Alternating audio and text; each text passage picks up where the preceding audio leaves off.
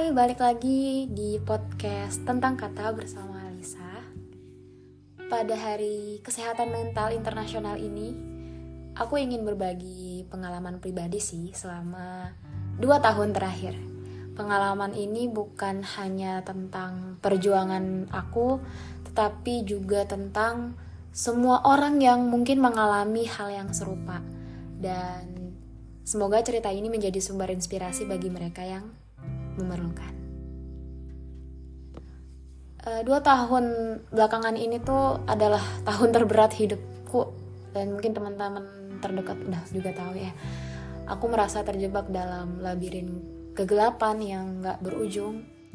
Setiap hari tuh terasa mengangkat beban berat gitu, yang tak pernah kunjung hilang. Rasanya aku pengen kehilangan kendali atas hidup ya, uh, atas hidup aku sendiri Rasanya setiap hari adalah hari yang mengerikan dalam hidupku dan pada saat itu bertemu dengan orang-orang banyak adalah hal yang sangat-sangat aku hindari jujur. Biasanya juga waktu masih di semester-semester 3 atau 4 ya. Kalau teman-teman kelas tuh notice aku tuh nggak pernah sama sekali habis kelas tuh lang uh, stay on dulu di dalam kampus atau ngobrol sama mereka. Aku menghindar dan aku langsung pulang gitu. Saking rasanya tuh berat banget gitu ketemu dengan orang banyak. Terus di mana juga um, semua tuh tampak hancur.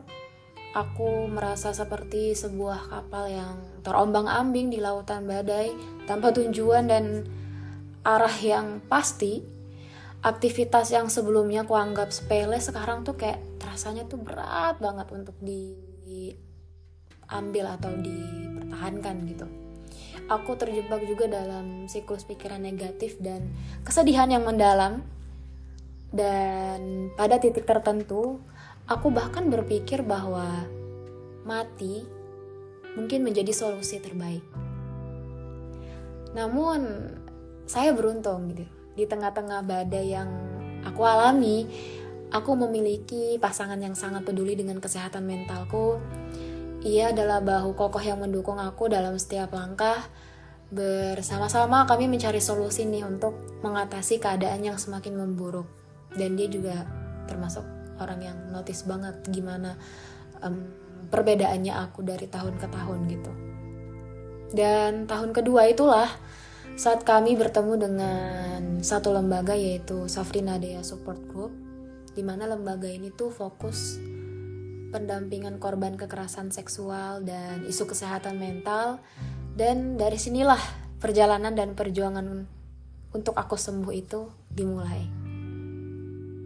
Setelah ber, uh, setelah bertemu dengan Safrina Dea Support Group ini, aku nih mulai berani berkonsultasi dengan psikolog maupun psikiater karena kebetulan juga aku dikasih akses untuk itu. Aku diberitahu bagaimana caranya bertemu dengan psikolog dan psikiater. Kebetulan juga aku BPJS bertemu dengan seorang profesional kesehatan mental adalah langkah berikutnya. Lalu meskipun awalnya aku ngerasa takut dan malu untuk mengungkapkan semua cerita-cerita yang ada di kepalaku, dan pertemuan itu tuh membuka mataku gitu. Psikiater membantu mendiagnosis kondisiku sebagai F32.3 atau bisa dibilang depresi mayor. Meskipun uh, itu adalah berita yang berat buat aku jujur. Tapi ini adalah satu pencerahan gitu. Akhirnya aku mengetahui musuh yang harus saya lawan ke depannya. Tidak ada perjalanan yang mudah pastinya Lalu kehilangan dan rintangan tuh menjadi bagian dari proses. Ada saat-saat di mana aku merasa putus asa, bahkan pernah juga meragukan apakah aku dapat melewati semua ini gitu. Aku lupa ini ke sesi berapa, pokoknya hari itu ketika dokter memberi kabar bahwa aku harus dirawat di rumah sakit jiwa. Jujur, dunia tuh seakan berputar. Aku mencoba nih memahami makna dari kata-kata itu, mencari-cari jawaban dalam raut wajahnya yang serius, suasana hatiku pada saat itu berubah seketika.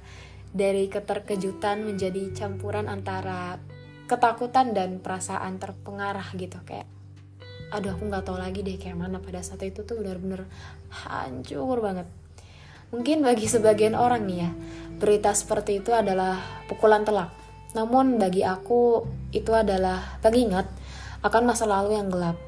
Aku yang pernah menjadi penghuni ruang-ruang sunyi di rumah sakit jiwa, aku juga terjerap dalam labirin emosi dan pikiran yang sulit dipahami, yang pernah mengalami batas keberanian dan kekuatan mental aku sendiri. Ketika, uh, ketika dokter mengucapkan kata-kata itu, pikiranku yang seperti terlempar kembali ke mana ke masa-masa sulit di rumah sakit jiwa. Suasana di saat di sana begitu berbeda dengan dunia luar. Dinding-dinding steril, koridor-koridor yang sepi, dan tatapan-tatapan penuh perhatian dari perawat-perawat yang selalu siap membantu. Ah, itu adalah tempat di mana kebenaran dan ilusi itu bersinggungan, dan di mana realitas terasa lebih lembut dan lebih terkendali. Pengalaman itu membawa saya ke titik paling rapuh dalam hidup saya pada saat itu. Rasanya seperti berada di tengah badai, di mana ada hujan es, emosi dan pikiran tuh bercamuk tanpa henti. Saat itu tuh saya belajar memahami bahwa tidak ada rasa malu dalam meminta pertolongan. Bahwa ada kelemahan dalam menerima bahwa ada saat-saat ketika kita butuh bantuan untuk bangkit lagi. Dan mungkin beberapa orang akan mengatakan bahwa rawat inap uh, rawat inap di rumah sakit adalah tanda kita lemah tetapi bagi aku pribadi ini adalah suatu suatu keberanian aku berdiri di ambang pintu ke dalam kegelapan jiwa ya saya sendiri dan memutuskan untuk melangkah maju saya juga yang memutuskan untuk tidak lagi menyembunyikan diri sendiri kebingunganku sendiri dan kecemasanku sendiri dan dari ketidakmampuanku sendiri untuk mengendalikan hal-hal yang di luar kendaliku. Ketika dokter mengatakan bahwa aku dirawat lagi, ya itu adalah panggilan bahwa kepada saya untuk kembali ke inti diri saya sendiri gitu. Untuk menghadapi ketakutan dan rasa sakit yang saya sembunyikan begitu lama, itu adalah ajakan untuk berdamai dengan bagai uh, dengan bagian tergelap dan dari diri saya dan untuk memahami bahwa kekuatan sejati itu terletak dalam menerima bahwa kita tidak selalu bisa berdiri sendiri, men. Dengan langkah yang gugup, saya mengikuti perawat menuju ruang rawat inap di sana. Terdapat ranjang kecil dengan selimut tebal yang terlipat rapi, sebuah jendela kecil memancarkan sinar mentari, membelah kegelapan, dan saya duduk di pinggir ranjang membiarkan perasaan-perasaan yang melanda mengalir ada keterangan di dalam ketidakpastian ini sebenarnya. Karena saya tahu bahwa langkah ini adalah langkah menuju kesembuhan. Saat saya berada di rumah sakit jiwa selama dua hari itu, saya belajar bahwa kekuatan sejati terletak dalam kemampuan untuk mengakui kelemahan kita, untuk meminta bantuan dan untuk menerima dukungan dari orang-orang di sekitar, bahwa menjadi manusia tidaklah selalu berarti harus kuat sepanjang waktu tetapi juga memungkinkan diri kita untuk rapuh, untuk mengalami kesulitan, dan untuk tumbuh dari situ. Mungkin pengalaman ini tidak akan pernah hilang dari ingatanku, namun sekarang aku melihatnya sebagai bagian dari narasi hidup yang membangun kekuatan, ketahanan, dan empati. Saya mengerti bahwa tidak ada kelemahan dalam membutuhkan bantuan, dan bahwa menjadi manusia sejati berarti kita mengakui kelemahan kita dan tumbuh bersama-sama melalui setiap tantangan yang datang. Namun setiap kali aku jatuh, aku pasti bangkit lagi dan aku belajar bahwa kekuatan sejati itu terletak pada kemampuan untuk bangkit dari kegagalan. Lalu aku mencari cara untuk mengembangkan diri, mencari hobi baru, membangun habit baru dan membangun kembali hidup semuanya.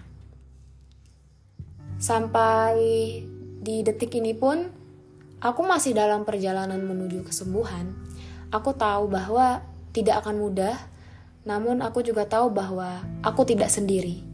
Aku memiliki pasangan yang selalu berada di sisi saya, sekelompok teman-teman dan lembaga pendukung kesehatan mental, dan dukungan dari para pro profesional kesehatan.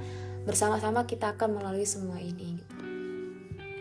Dan hari ini saya memandang masa lalu dengan rasa syukur dan rasa bersyukur atas setiap langkah kecil yang telah saya ambil, atas setiap orang yang telah berada di, uh, di, di sisi saya dalam perjalanan ini, saya menyadari bahwa perjuangan melawan depresi bukanlah sesuatu yang dapat dilakukan sendirian.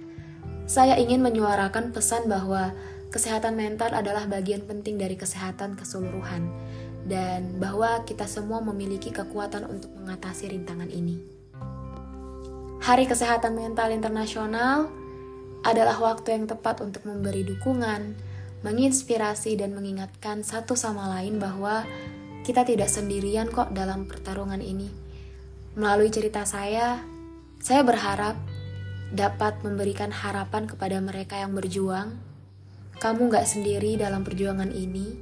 Ada bantuan di sekitar kita, ada orang-orang yang peduli, dan mari bersama-sama membangun masyarakat yang lebih peduli terhadap kesehatan mental. Terima kasih sudah mendengarkan cerita saya. Bye bye.